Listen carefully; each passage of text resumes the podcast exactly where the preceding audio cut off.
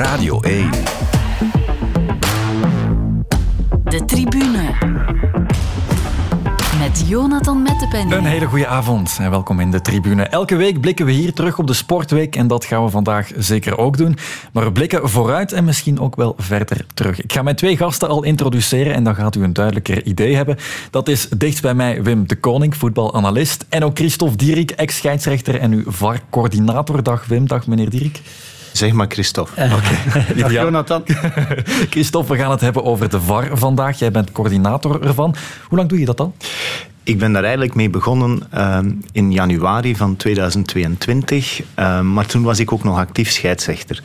En ik heb mijn carrière beëindigd eh, in mei van, dit, en van vorig jaar. En dan ben ik effectief als VAR-coördinator aan de slag gegaan bij, in het begin van het seizoen. Oké. Ja, Mis je het veld ook nog?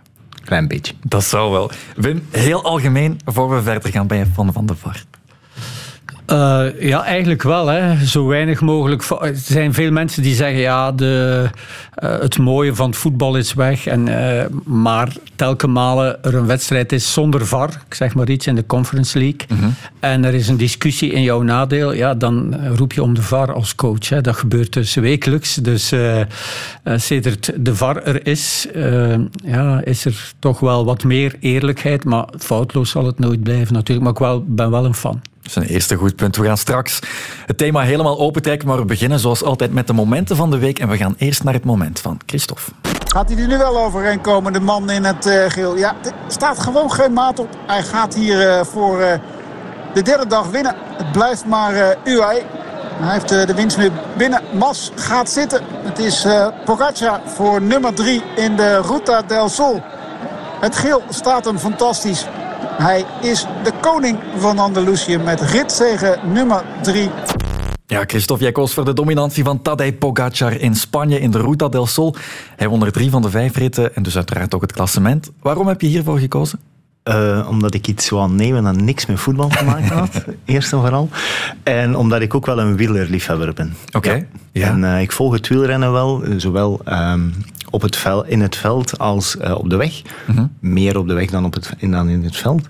Maar ja, Pogacar is toch wel iemand die er voor mij bovenuit steekt in het wielrennen. Uiteraard, hij is opnieuw heel snel in vorm en ook niet tegen de minste tegenstand. Mas, Landa, Gegenhard deden ook allemaal mee. Wij hebben onze voorjaarsspecial opgenomen met de tribune. Christophe, licht voorspellend. Wat verwacht jij van Pogacar in dat voorjaar? Eh, ik denk eh, dat hij een eh, taaie klant wordt voor Wout van Aert en Mathieu van der Poel voor de Ronde van Vlaanderen. Ja, Denk het wel. Denk ik ook. Wim, jij volgt de koers natuurlijk ook veel Ja. naast het voetbal. Denk je dat Pogacar die lijn die hij nu al zet ook kan doortrekken? Eh, als dat zo is, dan, eh, dan ziet het er eh, heel slecht uit voor eh, al de rest, ook in het voorjaar. Hè. Ik spreek dan niet over de Ronde van Frankrijk, want ja, dat is dan nog wel een andere specifieke voorbereiding. Maar ja, nadat hij vorig jaar de Ronde heeft gereden als debutant, het was een geweldige debutant, hè, maar normaal gezien kon hij ze wel winnen. Ehm, hij reed heel snel die Quaremont op, maar ook de Patersberg, daar moest Mathieu van der Poel alle zeilen bij zetten om in het wiel te blijven. Dus eigenlijk had hij hem daar misschien zelfs kunnen losrijden. En ja, dat hij ook een, eh, eh, een solo aan kan, dat hebben we toch al wel gezien. Ook nu, maar ook vorig jaar, 50 kilometer was het in de Strade Bianchi. Maar ik heb al de, de wedstrijden bekeken nu, die, die, die hij won. Eigenlijk had hij al 6 op 6 kunnen hebben, want hij heeft wel eens een cadeau gedaan in die, ene match, eh, in die ene wedstrijd. Niet match, ene wedstrijd. En hij heeft dan ook eh, in, in de laatste rit eh, voor Kovi eigenlijk de, de sprint aangetrokken of het pad geëffend. En Kovi heeft het dan niet afgemaakt. Het was dan uiteindelijk Fraaie. eh Fraile, Omar Fraile, die, die won en Kovi tweede. Maar als hij daar zelf voor de winst was gegaan, dan had hij nu 6 op 6. Wat, wat een beetje te veel zou geweest zijn, denk ik. Hè? Want ja. de manier waarop hij, waarop hij wegrijdt, het lijkt allemaal zo makkelijk. Het lijkt zo speels. Hij lijkt zich te amuseren. Dat heb je. Hè? Hij heeft ja, geen stress. Ook vorig jaar, weet je nog, in de Tour, toen ze hem daar ehm, van Jumbo-Visma onder druk zetten. En die ene, eh, wet- eh, ene ja, bergrit, dat Bergrit, deed hij ja. zo teken naar de, naar de camera van oeh, hoe lastig is dat hier? Dus hij bespeelde ook op dat moment die camera. Dus je hebt echt wel het gevoel eh, ja, dat hij zich amuseert. Een beetje de jonge Peter Sagan in de tijd. hè. Ja, dat, dat lijkt er wel een beetje Ja, op. vind ja. ik wel. Vind ik wel. Maar ik vind hem heel naturel.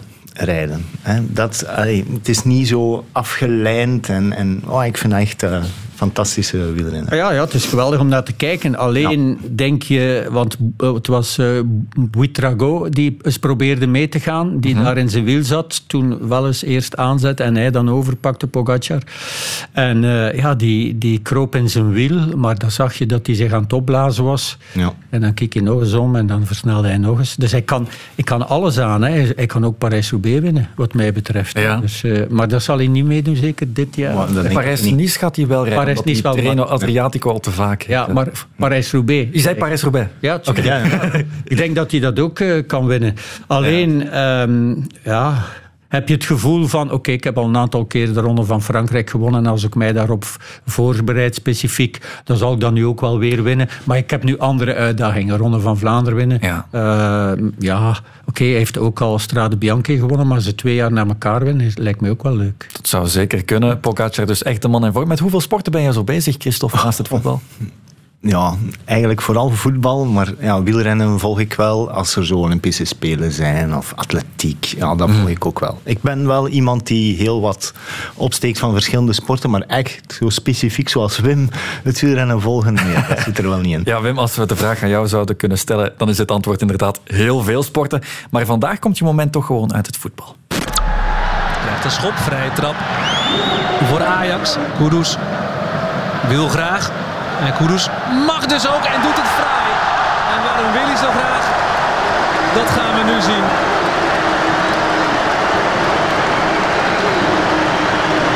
Een overleden landgenoot. Omgekomen bij die tragische aardbeving in Turkije, Atsu. Op deze manier op een wonderschone wijze kunnen eren.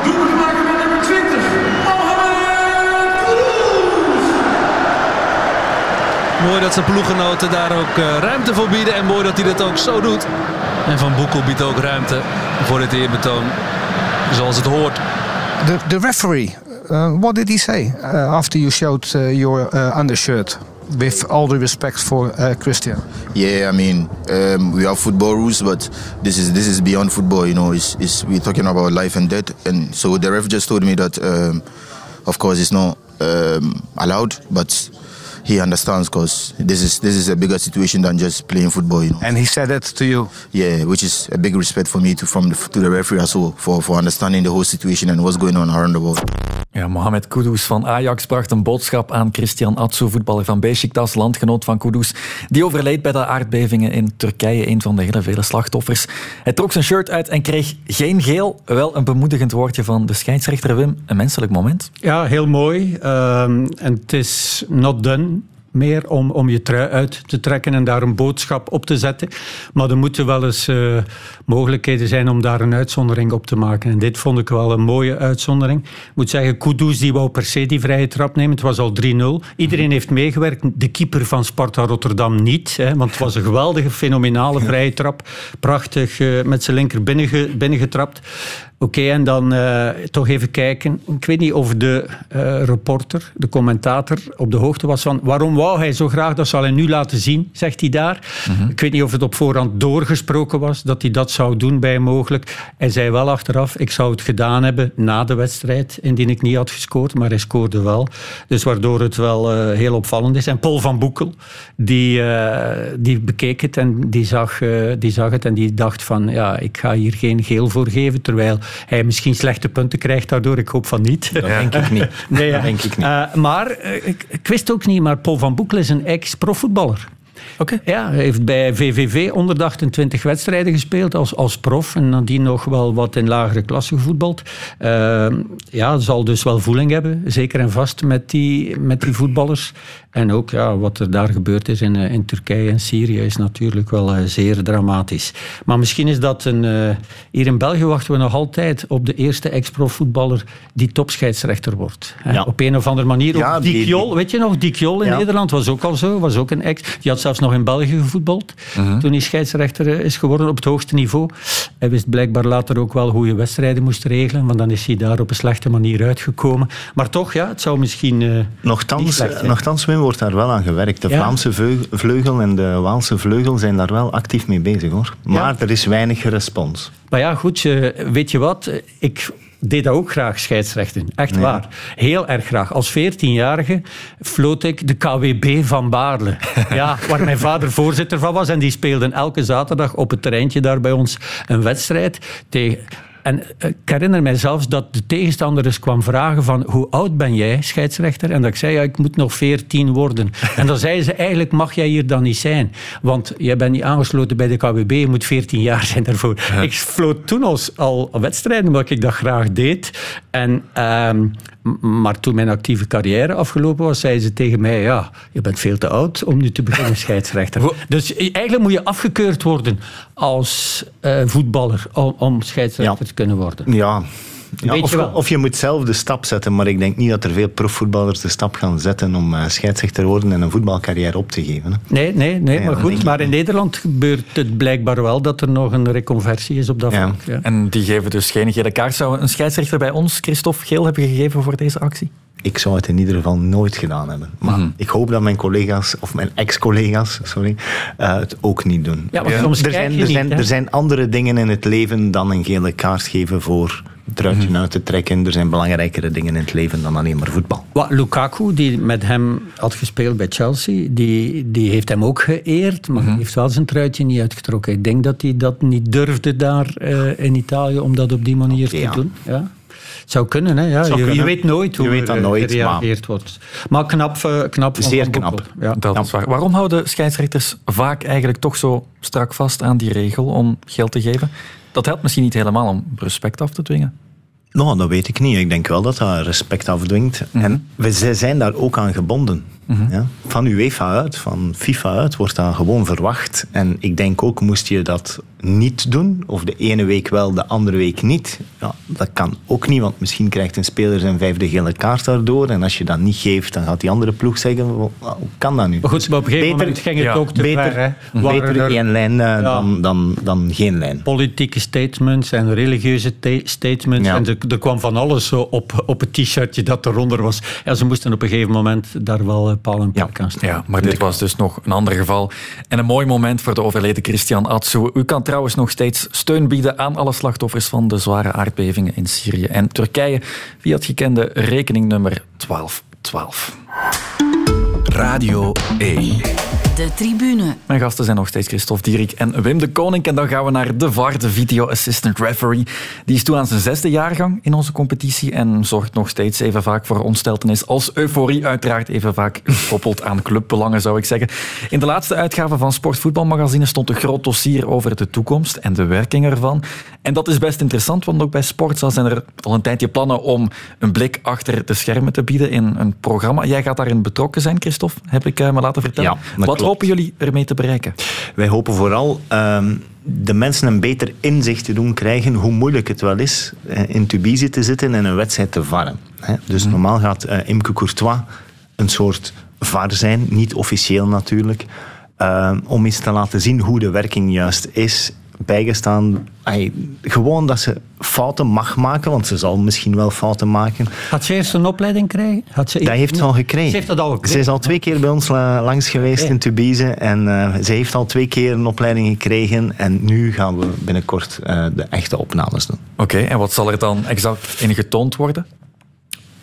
Die blik achter de schermen? Hoe eh, Imke dat doet, wat eh, de VAR allemaal doet, hoe ehm, ik daar een rol in kan spelen, hoe de VAR op dat moment van die wedstrijd beslist en hoe Imke beslist. En eens kijken of daar dezelfde mening is, of daar iets anders uitkomt en zo Ja. verder. Oké, zoiets kan wel helpen, denk ik, Wim, want de aversie tegenover de VAR begint nog steeds bij een soort onweten. Ja, ik denk het wel. Hè. Eh, eh, zeker eh, de onwetendheid in hoeverre hoe moeilijk dat is om daar te zitten, denk ik dan. Want ja, het gaat soms over millimeters, het gaat over interpretatie, het gaat over, maakt die zich nu wat groter dan normaal? Is de arm nu wel langs het lichaam, al of niet? Ehm, ja, de VAR heeft heel veel invloed. En terecht, in die zin dat een scheidsrechter ja, geen beelden heeft om uh, te herbekijken. Die moet op het moment zelf, ja, die wordt soms ook het zicht belemmerd mm -hmm. in, zijn, uh, in zijn acties. Dus ja, wat dat betreft is het, uh, is het geweldig dat zo'n VAR er is. Maar ja, de verantwoordelijkheid van die VAR is altijd maar groter en groter geworden. Ja, dat klopt. Hè. Groter dan de scheidsrechter ja. in principe. Ja. Als je dat vergelijkt met tien jaar geleden, toen ik floot zonder VAR ja, toen lag alle druk bij de scheidsrechter en werden er ook fouten gemaakt en sliep je daar twee nachten niet van. Terwijl nu eigenlijk de focus ligt op de VAR en de scheidsrechter ja, een fout kan maken en zich dan kan herstellen na het bekijken van de beelden. Het voordeel van zo'n VAR is dat hij altijd in beeld komt met zijn achterhoofd, met zijn rug. ja, ja, het is ja. zo wat anoniemer. Ja, hè? En, dat dan klopt. Kan je, en dan kan je misschien wel ja, iets makkelijker beslissingen nemen, maar het zijn wel levensbelangrijke beslissingen. Levensbelangrijk in die zin. Voetbal. Voor veel mensen dat blijft ah. voetbal natuurlijk. Ja. Dat is zeker waar. Zesde jaargang van de VAR, zei ik daarnet. Christophe, kan jij ons even meenemen in de evolutie van de VAR? Wat is er veranderd sinds het begin? Heel visueel voorgesteld. Hebben we het in het begin over de busjes op de parking? Ja, de busjes op de parking, uh, waar we nu in uh, Tubize zitten, in toch wel een schitterend complex, al zeg ik het zelf. Uh, ik ben in Spanje geweest, het VAR-complex. Dat van uh, België is toch nog wel knapper dan, dan in Spanje bijvoorbeeld, zo'n groot voetballand. Dus ik denk dat we qua faciliteiten echt niet beter kunnen zitten dan uh, waar we nu zitten. Mm-hmm. Um, en ik denk ook wel dat dat uh, meespeelt in het beter beslissen. Als je comfortabeler zit in zo'n busje, was toch altijd een beetje primitief. Mm-hmm. En met alle respect, er is ooit een busje aangevallen ook, zeker ergens. Hè? Ja, maar je stond dan op de parking. Ja, en, ja dat kan. Ja, er staan zomaar drie busjes. Ja. Is België dan koploper als het op VAR-accommodatie aankomt? Of één van de? Ja, ik denk dat we ook wel... Het centrum is er nog maar twee jaar. Mm-hmm. Dus op dat vlak zijn we echt wel uh, bovenaan. Natuurlijk zijn er nog andere landen waar ik niet geweest ben. Hè. Nederland is dat uh, net hetzelfde. We gaan volgende week trouwens naar Nederland. Oké. Okay. Je, zegt, je zegt, Christophe, op vlak van accommodatie. Is dat dan ook op vlak van technologie dat we voor, vooraan staan in Europa? Of? De technologie, nee. Dat denk ik niet. Hè. Bijvoorbeeld voor het, de offside situaties, ja, veel mensen weten dat niet, maar de technologie in België die gebruikt wordt, daar moeten we als we een 3D-lijn nodig hebben, mm-hmm. hebben doffies twee minuten nodig. Ja. Eer, die, eer die getrokken is, eer die juist gevalideerd is. Ja, dat weten de mensen niet. Vandaar dat het soms ja, lang wachten is, terwijl dat eigenlijk niet de schuld is. Dat is ook niemand zijn schuld, hè, maar we zitten met technologie die zo werkt. Nee, maar als ik dan op PSG Bayern zit en na 15 seconden zien ze dat het ja. van Nuno Mendes okay. uh, buitenspel is, ja, dan ben ik wel de eerste om te zeggen, ja, in België zouden ze daar beter een keer een voorbeeld aan nemen. Terwijl dat dan niet gaat. Terwijl dat, dat financieel, dat financieel ja, voilà. in België niet mogelijk zal zijn. Nee, maar je moet dat wel weten. Dat is goed ja. dat dat een keer nog, eens, nog maar eens de, gezegd de, wordt. De technologie die gebruikt werd op het WK, hè, nu in de Champions League, Europa League, semi-automatisch systeem, ja, dit is gewoon in België momenteel niet haalbaar. Mm-hmm. Niet haalbaar. Als is dat zo duur? Uh, kan je daar... Ja, ik ken daar geen bedragen nee, van. Nee. Uh, het spijt me. Ja, ja, nee, nee, ik weet dat niet. Ja. Maar dat is onbetaalbaar. Onbetaalbaar voor de Pro League. Voor, ja. Ja, ja, die moeten dat ook betalen. Als we het hebben over hoe lang het duurt inderdaad om zo'n lijn te trekken. Gisteren was er wat een goed voorbeeld. Uh, in de wedstrijd tussen STVV en Westerlo. Laten we eens even luisteren. Reynolds Weer naar uh, Fase. Reynolds loopt door. En Koita kan weer niet volgen. Dat is een strafschop. Dat is toch een strafschop? Nee, zegt Stasis. Ja, als er daar wordt naar gekeken, dan is het een strafschop wat uh, Koita gedaan heeft. Of is het uh, buitenspel? Dat kan ook nog wel. Dus ze moeten dubbelchecken. Eerst of het uh, buitenspel is of niet. Daarna of het een strafschop is. Dus dat gaat wat werk zijn. En u weet dat dat af en toe wel eens wat kan duren. En uh, Bauer zegt, kom, laat me maar spelen, want uh, het duurt allemaal wat lang. En Lotardon maakt daar heel veel uh, gebaren, probeert daar de lijn recht te krijgen. Reynolds, wat ging hij daar twee keer snel? We gaan kijken, dat betekent een strafschop. Dat de scheidsrechter die door de VAR wordt geroepen bij zijn beslissing blijft. Dat gebeurt zelden, het zal wel eens gebeuren, maar dat gebeurt toch heel erg weinig.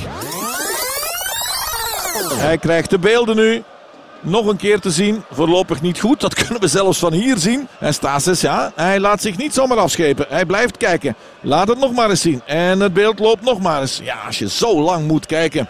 Zo lang moet uh, kijken. dan moet je toch eh, bij het oordeel van de scheidsrechter eh, blijven. En dan gaat hij een strafschop eh, geven voor eh, Westerlo. De strafschop kwam Ja. er uiteindelijk, ging ook Ja. binnen. Maar het duurde wel heel lang. Ik moet zeggen, ik zat ook hier in de radiostudio tijdens die wedstrijd. Ik denk, een goede vier minuten. Wel, dat schaadt de voetbalbeleving een beetje. Was het uiteindelijk wel de juiste beslissing? Het was eh, de juiste beslissing, maar het waren eigenlijk twee beslissingen. Hè, want de assistent had voor eh, buitenspel gevlacht. Voorafgaandelijk buitenspel. Voor de fase. Dus moest de VAR eerst kijken naar de buitenspel. Want stel u voor dat de speler buitenspel stond. Ja, dan moest de fase niet meer gecheckt worden daarna. Dus die stond eh, onside. Daarna heeft eh, de VAR gekeken eh, naar de fout. Ja. Heeft daar redelijk lang naar gekeken, verschillende hoeken bekeken. En dan is uiteindelijk het oordeel gekomen van de scheidsrechter. Ja. Ja. Maar dat kan dus absoluut niet sneller, omdat de technologie daarin niet mee evolueert op dit moment. Dit was geen technologisch aspect. Nee, Wat dan wel? eerder een menselijk aspect. Ja, de scheidsrechter had ook veel tijd nodig voor het scherm om de beslissing te maken. Ja. Kan ook gebeuren. Kan gebeuren, is zijn volste recht.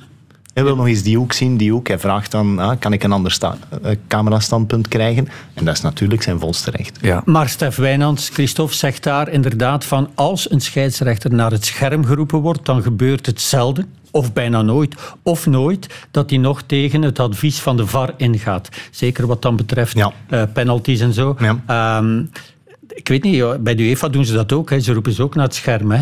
Zou het niet makkelijker en beter zijn op dat moment om te zeggen van oké, de VAR vindt het penalty, het is penalty. Want als ze gaan kijken, is het toch penalty. Nee, Nee. ik vind dat Nee? niet, omdat Nee? de scheidsrechter nog altijd de eindverantwoordelijk Ja, is. klopt. Ja. Men heeft dat in Engeland in het begin gedaan. Ja, toch. Heeft men dat gedaan zonder naar het scherm te gaan kijken? En er is heel wel discussie over geweest. Ja. Waar men nu terug naar het scherm gaat kijken. Ja, want allee, alleen maar om tijd te winnen. Om tijd te winnen, maar het, het lopen naar het scherm duurt toch maar 10 seconden of 15 seconden. Ja, maar je ziet soms al stappen, twijfelachtig. eh, Uiteraard. Ja, en, dan, en dan in terugkeren ook nog eens van, wat is het nu? Gaan we nu naar die stip wijzen, al of niet? Ik denk Het is altijd- wel, Het is en wel heel spannend elke keer. Dat wel. Het is voor de toeschouwers altijd wel spannend. ja. Alleen als het in uw nadeel is, ja, dan, Ja, dan oké, maar het je weet wel als toeschouwer, als speler, van als er naar het scherm moet gaan gekeken worden, dat de beslissing... Zo goed als gemaakt is. Ja. Exact. Ja, en, En dat is ook de bedoeling van ons. We Ja. willen alleen maar mensen, of de scheidsrechter naar het scherm, roepen als het voor ons als VAR duidelijk is dat er een andere Ja, beslissing moet want je zei daarnet tegen mij, eh, sorry Joost, Zeg maar. Jonathan, ja, van ik, heb, eh, ik zit veel daar in Tubeke, in Tubize, Ja. achter eh, Klopt. de mensen. Dus je kijkt mee dan, heb je dan een bepaalde invloed soms? Of, of eh, Nee. wordt, er, wordt er soms getwijfeld tussen die drie, dat er even gekeken wordt van hoe gaan we het hier doen? Om u een beeld te geven, eigenlijk zijn er maar twee die een beslissing nemen. Ja. Dat is de VAR en de AVAR die rechts van de. VAR zit. Ja. De linkse persoon is die die de technologie doet, die de beelden voorziet. Die neemt geen technische beslissingen. Dat willen we niet. Nooit. Ah, nee. Omdat de mensen van profvoetbal moeten, profvoetbal moeten zijn. Dus dat zijn scheidsrechters van en assistenten van 1A, 1B. Ja. Dus die linkse zijn eigenlijk meer opgeleid om ja, die lijn te trekken. Ja, voor de lijn te trekken, de juiste De beelden, beelden te geven, te zeggen van ah, ik wil een andere hoekbank. Die weten direct van kijk, op dat beeld en dat beeld kun je de fase best bekijken. En was je daar gisteren in die laatste wedstrijd? Want dat was laat, dat was de laatste Ik wedstrijd. heb eh, dit weekend eh, negen wedstrijden gezien. Dus ook die, je zat daar. Ik was daar, ja. Ah, Ik oké. was daar. Maar ik Ja. was me aan het verdelen, want Kortrijk-Anderlecht Ja? is op hetzelfde moment. Ja, dus ik klopt. moet een beetje tussen klopt. de twee. Maar als ik dan hoor dat er iets gebeurt, dan ben ik daar wel. Ja. En dan volg ik wel wat er gebeurt. En hoeveel mogelijkheden zijn er daar om... Kun je alle wedstrijden... Er zijn, er zijn momenteel vijf verschillende Vijf. stations. Ah ja, oké. Dus de laatste speeldag zal niet, niet. allemaal vanuit Tubize zijn. Nee, ah, Ja. oké, dan is er nog een busje. Dan, ergens. er zijn nog busjes. Ah, oké. Af en toe is er nog eens een busje. We zitten bij jouw rol, Christophe. Je bent dus VAR-coördinator. Wat houdt dat exact in? Wel, eh, ik ben één weekend op de twee in eh Tubize om te kijken wat er allemaal gebeurt. Ehm, ik geef ook de wekelijkse feedback over hetgeen dat er gebeurd is eh, aan de scheidsrechters en assistenten. Eh, ik geef ook opleiding aan nieuwe VARs, nieuwe AVARs. Ehm, ik doe ook de opleiding van de operatoren, de mensen die de technologie doen. Dus wel een heel veelzijdig pakket. Dus ook feedback, dat wil zeggen evaluatie, denk ik ook. Prestaties dan. De scheidsrechter van gisteren, je hebt daarnet gezegd, een menselijke fout kan gebeuren. Wat zeg je dan aan hem? Aan de scheidsrechter niks. Aan- nee, dat is de scheidsrechter, dat is een andere. Ik geef alleen Ja. feedback aan de VAR. Ik Ja. ben niet verantwoordelijk voor de scheidsrechter op het veld. Ik geef evaluatie, evaluatie. Ja. Mhm. Feedback, ook na de wedstrijd, kort van wat is er gebeurd, wat was goed, wat was niet goed. Vooral in communicatie en proces. Belangrijk is dat het af en toe sneller gaat. Ik denk dat we dit seizoen al geprobeerd hebben om eraan te werken. Vandaar ook dat we elke dinsdag de clips laten zien, waar ze zichzelf kunnen zien en kijken van dit kan sneller, hoe kunnen we dat in de toekomst sneller doen. Ja, een ander voorbeeld dan, misschien waar uw Engelse collega heeft ingegrepen. Er was de wedstrijd tussen Brentford en Arsenal, waar de VAR-assistent Lee Mason uiteindelijk is vertrokken, omdat hij ook een menselijke fout gemaakt heeft. Zo, zo werd het gezegd.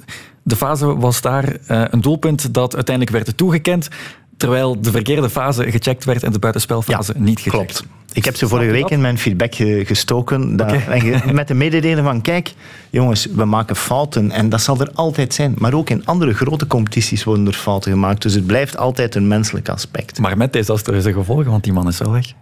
Ja, die heeft zelf eh, Ja. zijn ontslag gegeven. Maar goed, iedereen moet dat voor zijn eigen uitmaken. Mhm. Eh, ik denk niet dat we bestraffend mogen werken. Ik denk niet dat je mensen beter maakt door altijd mensen te bestraffen. Wel Mhm. te zeggen van, probeer het de volgende keer zo en zo.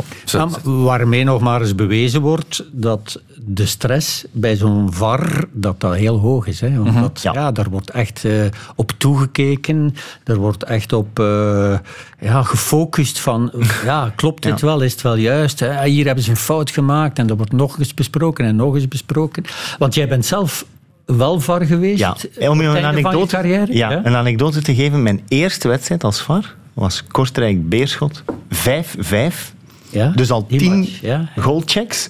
Met nog penaltyfases, offside-fases. Ah, Echt waar, ik kwam daar buiten uit dat busje. Want het was nog het busje van... Wat is dit? Ja, laat mij maar gewoon scheidsrechter. Ja, ja, ja. ja. Ik denk het wel op dat Ja. moment. Ja. Het is eh, Ja. niet chillen in een leuke bureau. Nee, nee, nee, nee, nee, nee. nee. Nee. Allerminst. Je bent dus als coördinator ook verantwoordelijk voor de line of intervention, heb ik gelezen. Concreet betekent dat waarbij de VAR kan ingrijpen. Ja. Is dat perfect afgesteld nu? Ehm, ik denk wel dat iedereen weet wanneer er moet tussengekomen worden en wanneer niet bij de vier gekende situaties, penalty, rode kaart, ehm, doelpunten en missed identity. Ehm, ik denk vooral dat we voor de penaltyfases dit seizoen de lijn iets lager gelegd hebben, meer gaan naar is het penalty of is het geen penalty volgens de criteria van de spelregels. Niet meer clean en Mm, obvious. Clear en obvious, ik ik ben daar niet zo'n voorstander van. Ah. Want wat is dat begrip eigenlijk? Het is wel het bekendste begrip, denk ik. Ik weet het, en UEFA is, zegt ook clear en obvious wrong, maar bij FIFA hanteert men meer wrong or right. Mhm. Juist of foute beslissing op terrein. Kan je dat als VAR ook helemaal duidelijk maken? Wat bedoel je? Hoe doe je dat dan? Wat, wat is Bij- helemaal bij- juist, wat is helemaal fout? Ja, wij geven heel veel clips uit andere competities waar we stellen van kijk, voilà, eh, dit is voor ons een interventie en dit niet. Natuurlijk, elke fase op zich is anders en nooit ga je twee keer dezelfde fase hebben.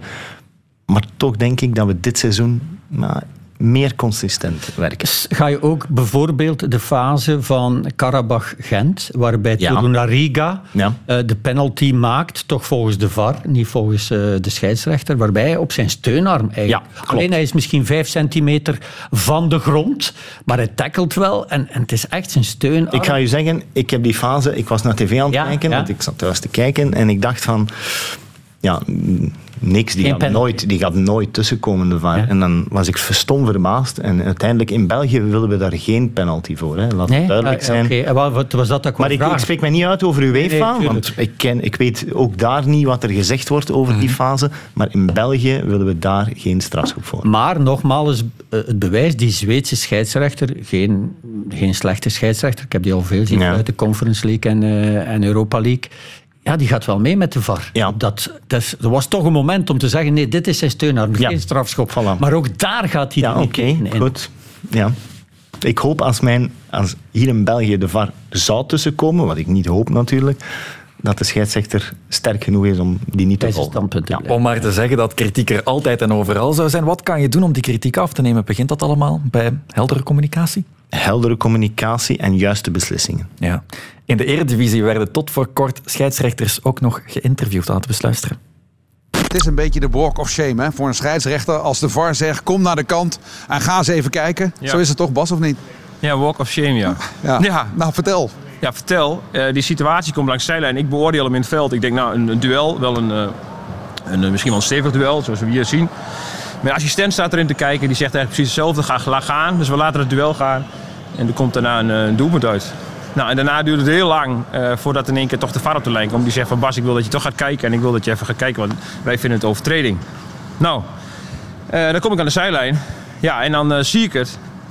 Ja, en dan denk ik, kom op zeg. Het, is, het moet clear en obvious zijn om een scheidsrechter naar de kant te halen. En niet voor dit soort dingen. Ja, waarom zeg je dan niet, eh, sorry, Ja, maar... dus- en dat, dat vind ik ook. Want, maar je, dan, dit is heel waar. Zelfs voor een ervaren scheidsrechter zoals ik daar dus sta... zie je dus die overtreding en die komt gewoon in zo'n loop. En dan continu zie je die loop. Pak, pak, pak.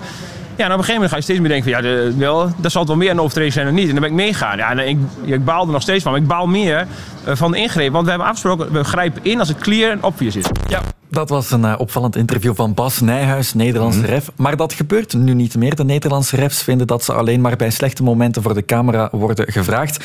Maar het mag eigenlijk sowieso niet. De FIFA en UEFA verbieden dat. Dat een scheidsrechter... Ja, hier in België heeft men vier jaar geleden beslist om geen communicatie meer te doen eh, van de scheidsrechters na de wedstrijd. En ik kan dat alleen maar eh, goed vinden. Ja? omdat je toch uit de emotie moet reageren, zonder zelf beelden te hebben bekeken. Ik herinner me nog vroeger, als ze mij voor de camera zetten, zo'n klein tv'tje waar je dan kon kijken. Ja, nee. nee. Vraag dat misschien enkele dagen daarna. Oké, dan kan ik dat nog wel verstaan, maar niet direct na de wedstrijd. Dat gaat niet bij ons gebeuren. Nee. Nee, maar Frank de Bleker geeft wel elke maandag zijn visie. Ik denk dat dat niet over de VAR gaat, of misschien wel. Of, Soms. niet of, er, of er dan met jou ook eh, interactie is op voorhand. Ja. Ah ja, oké, dat gebeurt. Ja. Zijn er manieren om dat nog te verbeteren? Want er is inderdaad dat praatje van Frank de Blekeren. Dat vervalt soms een beetje in een gimmick, heb ik het gevoel, op het internet. Want het, het lijkt soms een beetje ingestudeerd. Dat is wat Mhm. hij elke week komt vertellen. Is het de manier om open te communiceren? Daar wordt aan gewerkt, blijkbaar. Ja, naar de toekomst toe zal dat iets anders zijn. Maar dit seizoen behouden we het eh, zoals het nu is. Maar ik kan daar nog niks over zeggen, omdat ik ook nog geen concrete dingen daarover weet. Maar ik weet dat men daarmee bezig is om dat anders te doen. Neemt de VAR in het voetbal ook inspiratie over uit andere sporten? Ik vertel maar, ehm, een uit het hockey bijvoorbeeld, daar is de VAR-communicatie volledig openbaar. Is zoiets ooit mogelijk in het voetbal? Ooit zal dat eh, er zeker van komen. Ik eh, heb gelezen dat men dat nu gaat doen eh, bij de FIFA-wedstrijden binnenkort. Ja, ze gaan wat testen doen. Ze gaan wat testen Ja. doen Ja. eh, gedurende een jaar of zo. Ehm, maar dat zal in België zeker nog niet voor binnenkort zijn. Nee, want dan is misschien ook nog een verschil tussen de fans in het stadion en die, die thuis op televisie kijken. Dat moet ook nog overwonnen worden. Algemeen, hoeveel progressiemarge is er nog voor de VAR? Er is al heel veel evolutie geweest. Hebben jullie bijvoorbeeld een lijstje nu met potentiële investeringen? Uh, nee, er is geen lijstje.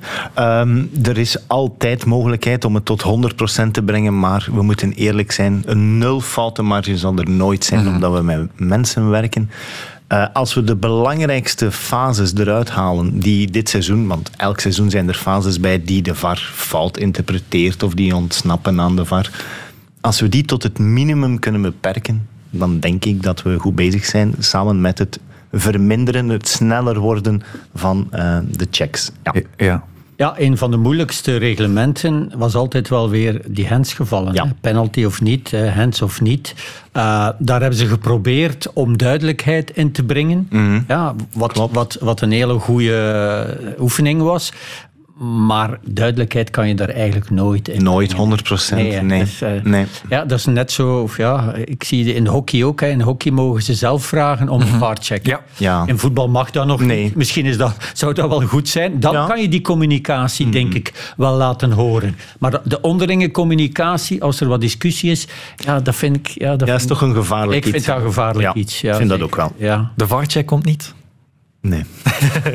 maar goed, de VAR lijkt wel degelijk de toekomst van het voetbal. Die gaat nooit meer weggaan. Ik denk, ik denk niet dat die nog weg gaat gaan. Nee, nee je zou discussies gaan krijgen zonder VAR op nee, nee, nee. het niveau. Ja. Opnieuw zonder nee, VAR? Nee, dat lijkt, ik denk dat de VAR, hey, maar dat is een persoonlijke mening, ik denk dat die nog altijd maar belangrijker en belangrijker ja, gaat worden. Nog Al, meer invloed gaat hebben op voetbal. Anders ga je wereldbekers winnen of verliezen, zoals in 66. Ja, ja. hè, Ja, Duitsland voilà. tegen Engeland. Dus- Ja, met, met ballen die niet over de lijn zijn. En ja, nog zoiets, hè, die bal over de lijn.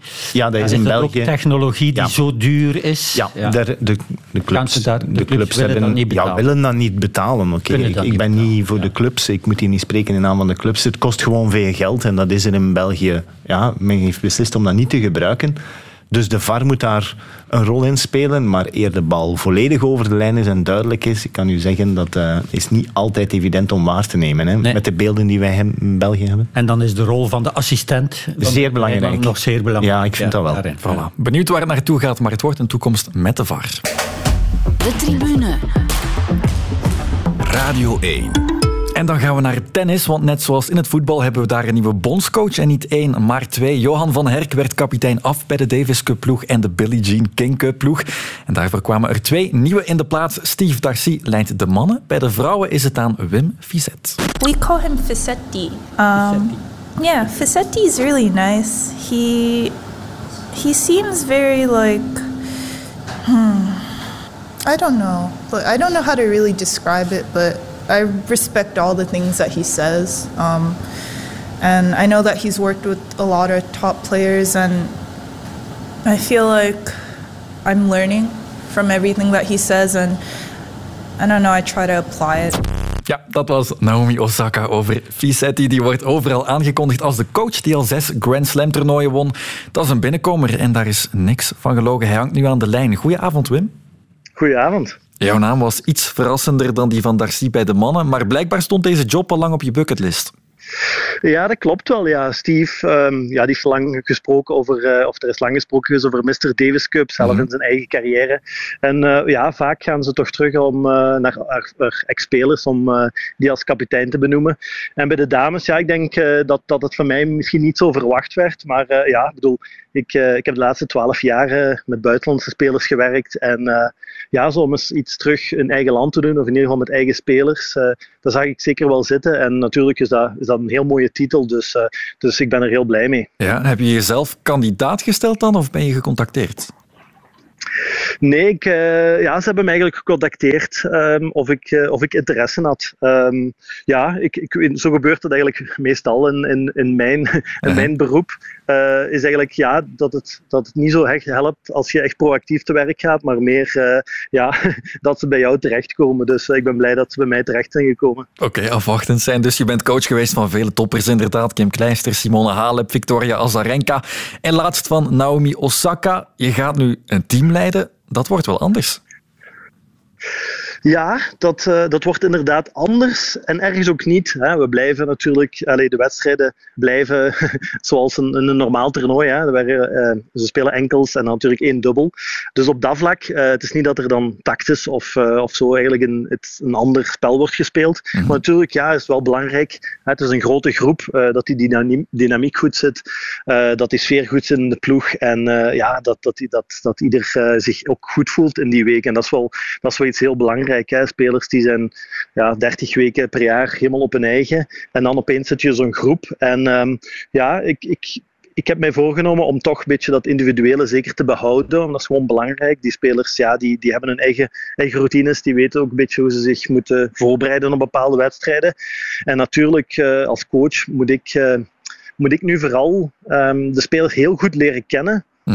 Ehm, zowel mentaal als, als natuurlijk technisch, tactisch, wat hun sterke punten zijn, welke patronen ze liefst spelen, ehm, met welke mindset dat ze graag in de wedstrijd gaan, als favoriet of underdog, met, met veel informatie, met weinig informatie. Dus dat, dat is nu aan mij om, om de komende weken echt, eh, echt uit te vissen, om met veel gesprekken te voeren met die spelers, om dan ook weer natuurlijk ja, individueel eigenlijk wel een plan mee te geven en ondertussen ja, toch ergens wel zorgen natuurlijk dat, dat, die, dat, dat die sfeer goed zit. Ja. Ja, je wil ze dus inderdaad individueel verbeteren, maar je gaat ze ook een beetje meer moeten loslaten dan voorheen, denk ik, want je bent niet de trainer meer, zoals je dat deed bij, bij die andere toppers. Ze trainen individueel ook verder met, met hun eigen coaches waarschijnlijk.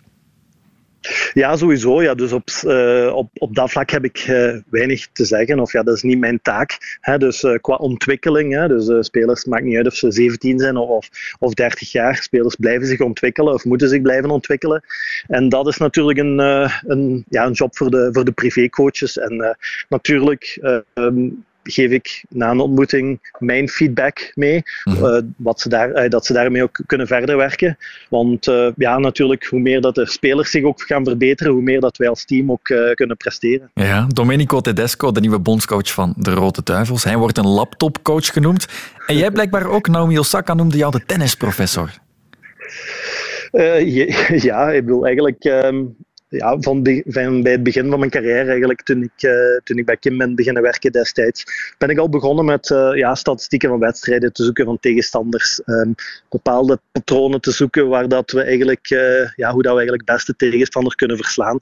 En um, in de loop van de jaren is er eigenlijk ook meer data beschikbaar geworden. En natuurlijk, ik heb destijds ook een samenwerking gehad met, met SAP, die eigenlijk de software verzorgde voor, voor het WTA, voor het damestennis. En ik heb een, een platform helpen ontwikkelen daarmee.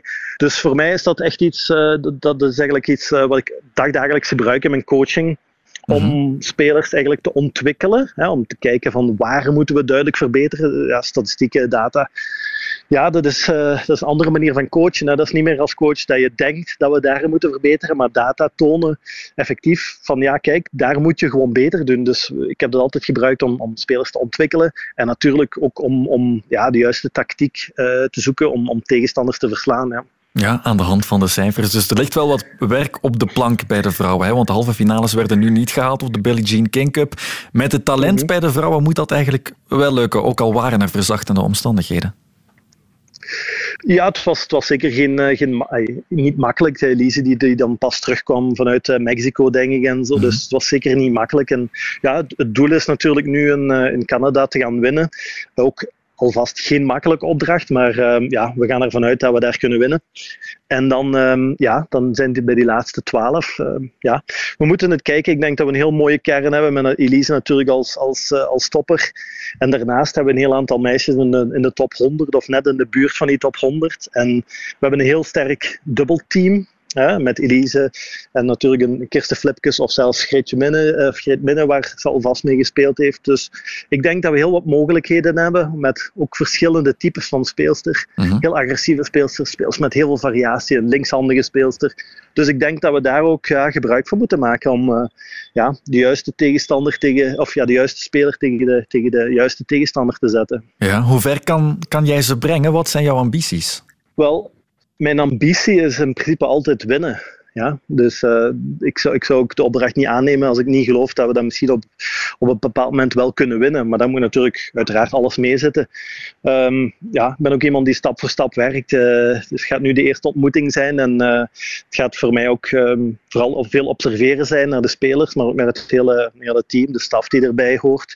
En dan proberen ja, verder te bouwen, kijken waar we ja, waar dat we moeten verbeteren natuurlijk. Hè. Dat is, dat is um, ja, die eerste ontmoeting. Natuurlijk ga ik, ga ik de spelers nadien nog veel beter kennen dan dat ik, dat, dat ik voor die ontmoeting ga doen. En uh, ja, dat is, een, dat is een proces natuurlijk. Ja, je gaat er ook wat hulp bij krijgen. Hè? Kirsten Flipkes dus, uh, zij gaat jou bijstaan. Ze blijft actief, maar wordt dus ook jouw klankbord als assistent. Hoe gaat dat exact werken? Ja, ik denk dat wij een, uh, denk dat wij een heel goed team gaan vormen. Um, Kirsten, die de afgelopen jaren ook al eigenlijk gestart is met een beetje coachen, die de, een aantal Belgische spelers al, uh, al wat geholpen heeft op bepaalde toernooien. Um, ze stuurde mij deze week nog wat, wat notities door van in Dubai, dat ze spelers aan het, scouten was. Um, dus dat is gewoon ja, een, een, een teamwerk waar, dat we, waar dat we samen um, ja, de juiste speler gaan selecteren en de juiste tactiek gaan vormen. Um, ik denk dat je dat als twee, twee altijd meer weet dan alleen. Dus, uh, dus ik hou wel van, uh, van zo'n teamwerk. Zo is dat zeker. Heb je nog contact gehad met Johan van Herk of wil je onbevooroordeeld beginnen? Nog niet, om eerlijk te zijn. Um, de dag na de persconferentie ben ik uh, op skivakantie vertrokken. En eh, ik dacht van, eh, ik ga nu even vakantie nemen. En nadien ga ik, ga ik Johan zeker wel eens bellen. Ik heb altijd goed contact met Johan. Johan Mhm. heeft afgelopen jaren een fantastische job gedaan met zowel de heren als de dames. Dus ja, gewoon een knap parcours afgelegd. En ja, ik hoop dat ik, dat ik even goed kan doen. Natuurlijk hoop ik nog beter te doen. Maar ja, heeft het heel goed gedaan. Ja, je begint er ook al snel aan op 14 en 15 april. Dus inderdaad dat duel tegen Canada in de kwalificaties voor de groepsfase. Ben je al voldoende ingewerkt? Nee, nog niet. Nee. de eerste gesprekken zijn, zijn gevoerd, maar natuurlijk een aantal spelers waren op, of waren op toernooi uh, de afgelopen dagen. Dus ik heb, uh, ik heb met de meeste wel contact gehad. Maar dan is het ook de bedoeling dat ik naar Miami ga gaan, waar de meeste spelers zowel ofwel in de quali zijn of in de hoofdtabel. En om daar uitgebreide gesprekken te gaan voeren met de spelers, met de privécoaches. En ja, om zo nog om zo beter voorbereid te zijn. Maar ja, ik heb zeker nog ik heb zeker nog veel werk te doen. Ja. En je hebt ook wel nog wat tijd. Alleszins heel veel succes met die nieuwe job. En dankjewel om even aan de lijn te komen. Dank Wim. Ja, heel graag gedaan. Radio 1. De tribune. En dan keren we nog eens terug naar het voetbal, want er is voldoende te bespreken na dit weekend. Wim, een weekend waarin veel topploegen niet thuis gaven. En laten we nog eens beginnen bij Club Brugge, dat gelijk speelde in de Brugse derby tegen Cercle, maar veruit de mindere ploeg was. Scott Parker was dan ook hard voor zijn ploeg. De corner komt eraan voor Cercle Brugge. Hoog getrapt, gekopt en erin, hij valt erin. Het is Somers die het doet. Het is de gelijkmaker met een boogje. En zo is het juist natuurlijk. Um, I thought it was poor today. We um, stepped back today in terms of uh, where I expected us. Thought we were second best to practically everything. Um, yeah, a lot of things unacceptable today. Het is uh, erg als clubsupporter dat we moeten supporteren voor de tegenpartij, want ze worden veel beter. Ze worden weer beter. Trek er niet meer op. Hè? Nee, nee, het was zeker niet goed. Het is niet beter of onder Hoefkes dat Bart Verhaal he, een keer zijn hout uithaalt en een echte trainer haalt. No sweat, no glory. Ik heb dat niet meer gezien de laatste tien wedstrijden en ik hoop dat dat erop terugkomt. Dat er een beetje meer... Uh, gevoel, een beetje meer uh, vechtlust terugkomt. En niet allemaal uh, van die uh, showbeestjes. Dat waren wat supportersreacties uit het sportweekend gisteren. Maar het gaat niet vooruit bij Club Brugge, Wim. Nee, in tegendeel. Het gaat zelfs licht achteruit, wat mij betreft. Hè. De eerste wedstrijd op Genk heb ik daar nog gedaan voor de radio. En de tweede tegen Anderlecht. Dat waren nog, als je het achteraf bekijkt, voetballend de betere wedstrijden. Want in Genk hadden ze iets kunnen meepakken. Tegen Anderlecht hadden ze altijd moeten winnen. Hè, kregen daar nog een, een zeer ongelukkig tegendoelpunt. Maar goed, na de voorsprong trokken ze ook weer terug. Uh, ja, no sweat, no glory. Hè. Toen uh, Parker aangesteld werd, uh, zei hij van bij mij 100 of niet, niet 100 1000 procent inzet, motivatie, uh, ja, noem het maar op. Hij was zelf ook zo'n type speler als centrale middenvelder, maar hij krijgt het niet in zijn ploeg ingeslepen. Als hij iets wil laten zien van de wedstrijd van gisteren, dan moet hij zeggen tegen de mannen, kijk nu eens naar Cercle. Dat Absoluut, moeten ja. wij gaan doen. Ja. Maar hij krijgt het er niet in, of ze willen het niet meer doen, of het gaat niet meer. Ik moet zeggen, ze waren... Uh, het is voor het eerst dat hij wat negatief is tegenover zijn spelers. Dat hij het echt wel benoemt. Hè. Mhm. Hij had het al veel meer kunnen doen, heeft het altijd afgehouden. Nu deed hij het wel. Uh, maar wij vonden, uh, want ik heb de wedstrijd van Brugge gedaan tegen Benfica. Wij vonden dat ze zelf, Simon Mignolet, Hans van Aken, iedereen die voor de camera kwam na de wedstrijd, was onvoorstelbaar positief over hoe ze het zelf gedaan hadden. Mhm. Uh -huh. Ik denk dat dat een soort ingegeven was door het feit dat ze een, een afstraffing vreesden. En dat ze aan de rust nog 0-0 stonden, terwijl ze er ook al drie of vier hadden kunnen binnenkrijgen. En misschien ja. eentje hadden kunnen maken. Hè? Dus ze waren zeer erg positief. Iets wat normaal Mignolet niet is. Hè? Ja. Maar laten we niet vergeten dat... Uh, Oké, okay, ze hebben het geweldig gedaan in de Champions League. En iedereen zegt, er is nog nooit zo'n goede, sterke kern geweest bij club als dit jaar. Maar daar begin ik eigenlijk aan te twijfelen, eerlijk gezegd. Waarom dan? Want, want de spelers die er nu zijn, hebben toch de voorbije jaren zeker genoeg kunnen tonen.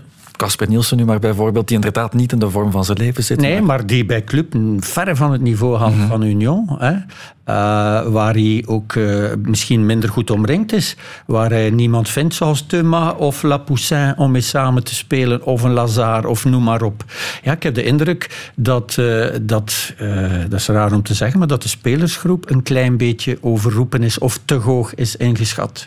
Ja. Als je het allemaal bekijkt, want op een gegeven moment, zelfs met een minder goede coach, ja, kan het toch niet anders dan dat je als groep het gaat rechtstaan en zeggen van kom aan jongens, nu gaan we het dus doen. Mhm. Ik heb ook het gevoel dat het weggaan van Vormer uit die kleedkamer en uit die ploeg ook een enorme aderlating is. Ja, er was Zeker nog... qua mentaliteit, denk ik dan. Ja, maar die mentaliteit is waar het begint en waar het nu echt wel faalt. Oké, ze kunnen allemaal natuurlijk wel sotten, maar, maar het is wel wat je laat zien en wat je als elftal laat zien. Dat is belangrijk. 20 punten achter. Hè, op Ja, ja, ja. 20 punten, weet je wat dat is? En, eh zoals 10 nu- punten in play-off 1. 10 punten in play-off 1, ja. dan kan je nog kampioen spelen, maar je moet wel in play-off 1 geraken. En zoals het er nu naar uitziet, ja, is het ook maar door het feit dat Gent oké, ook te weinig punten haalt en dat Standaard het goede met het slechte afwisselt, dat ze al niet vijfde of zesde staan. Hè? Want eh, met dit puntenaantal eh, sta je normaal niet bij de top 4. Hè? Nee, zo is het. Scott Parker, de slechtste start van een clubcoach in 41 jaar, wint één van zijn negen wedstrijden. Hoe zou Karel Hoefkes dat nog gedaan hebben? Mocht hij nu nog coach zijn? Karel heeft het geweldig gedaan. Eh, Hij werd al in vraag gesteld na de eerste twee, drie wedstrijden. Ze gingen verliezen in Eupen in het begin van het seizoen. Ook ja, verdiend verloren, puur op basis van mentaliteit. Eupen ja, loopt toch ook niet over van talent. Maar die pakte daar wel drie punten tegen club. Eh, dan moesten ze naar Oud-Heverlee-Leuven. En toen ze daar niet zouden winnen, was Karel Hoefkes misschien al vertrokken. Ze wonnen daar dan toch. En dan heeft hij een geweldig Europees parcours gedaan. Maar we mogen niet vergeten dat, en ook gisteren was hij de beste Bruggespeler, Mignolet, dat Mignolet eigenlijk eh, in de Champions League veel heeft verbloemd. Hè. Met miraculeuze reddingen. Ze hebben op het goede moment nodige geluk gehad in Porto. Winnen ze wel 0-4. In Atletico. In Atletico, maar elke halve kans was een doelpunt. Terwijl nu heb je het gevoel... Ja, Zoetkla ook in het begin heel erg goed. eh, Dan weggedeemsterd. Met Lang, ja, dat blijft een, een soort enigma. Hè. Noah Lang. Eh, heel, heel lang geduurd. Onder Hoefkes een paar keer zelfs niet bij de kern geweest. Eh, ze hebben het nog proberen op te lossen met Jaremchuk te halen. Maar die, die ja, zijn negatieve zaken, kwaliteiten, als je dat zo kan benoemen, een negatieve kwaliteit, nee, zijn gebreken komen naar boven. Ja, het is het, het is het jaar te veel ergens. En Scott Parker moet dat gaan oplossen. Maar ik heb de indruk, en vorig jaar onder Schreuder liep het ook in het begin niet goed toen hij kwam. Had ik ook het gevoel van, "Hmm, wat is dit hier? Maar Hoefkes was heel dicht bij hem. En hij luisterde naar Hoefkes. Ja, Scott Parker heeft zijn eigen mensen meegebracht en één iemand van de staf is gebleven, Riek de Mil. En ik denk dat Riek heel erg goed weet wat er zou moeten gebeuren en hoe het zou moeten. Ja, want hij heeft al bewezen, ook met Club Next, van daar een hele goede eh, oog op te hebben. Maar ik denk niet dat Parker veel naar de Mil luistert, of dat de Mil genoeg eh, ja, impact heeft om te zeggen van, hé, hey, misschien moet je, wordt het tijd dat je naar mij luistert. En dan ga je het he- veel sneller kunnen gaan rechtzetten en, en op punt zetten. Want het is nu nog altijd in de ontdekkingsfase. Ja, ja, ja. Van eh, wat is mijn beste ploeg, wat kunnen mijn spelers? En het enige wat hij daarmee bereikt, Scott Parker, is dat al zijn spelers twijfelen. En degene die hij altijd laat staan, Mignolet, oké, dat is buiten eh, concours, dat is hoor concours. Maar degene die hij altijd laat staan, waren gisteren de mindere. Van Aken, Onyedika, eh, Hans heeft het heel erg moeilijk. Hè. Mhm. Is, eh, belangen niet meer de man van de gouden schoen eh, van Nant. Ook te lang misschien in Brugge. Misschien had hij wel weg moeten zijn. Misschien Eh, wel. ja, zo, Misschien even vlug iets anders. Domenico Tedesco heeft zijn ronde gedaan door Ja. de Belgische stadions dit weekend. Bijvoorbeeld Van Aken ehm, zou wel op zijn radar hebben gestaan. Zijn er nog andere spelers die misschien hebben overtuigd voor die volgende selectie? Ik denk maar aan een Brian Heijnen, die ook maar gelijk speelde, maar wel het beslissende doelpunt. wel het beslissende doelpunt maakt. Maar het is nu al wel duidelijk dat eh, het heengaan van Onuwachu een veel grotere impact heeft op dit Genk Mhm. dan, dan gevreesd. Of misschien wel een even grote impact als gevreesd. Want in Genk weten ze wel hoe belangrijk hij was. Oké, ze hebben een, eh, hetzelfde type aangetrokken, Arokodare, maar het zal geen Onuwachu zijn. Dus daardoor wordt het eh, kampioenschap heel erg open en heel erg spannend, denk ik, tussen drie ploegen, maar wie weet tussen vier ploegen. Want ja, je, kan, eh, je kan nog wat dichter sluipen. Want ik heb wel altijd van in het begin gezegd van club zal toch wel eens een reeks neerzetten met die kwaliteit. Mhm. Maar het is nog altijd wachten op een overtuigende zege. Want Parker was heel erg tevreden met de zege in Zultewaregem. Je zou voor minder.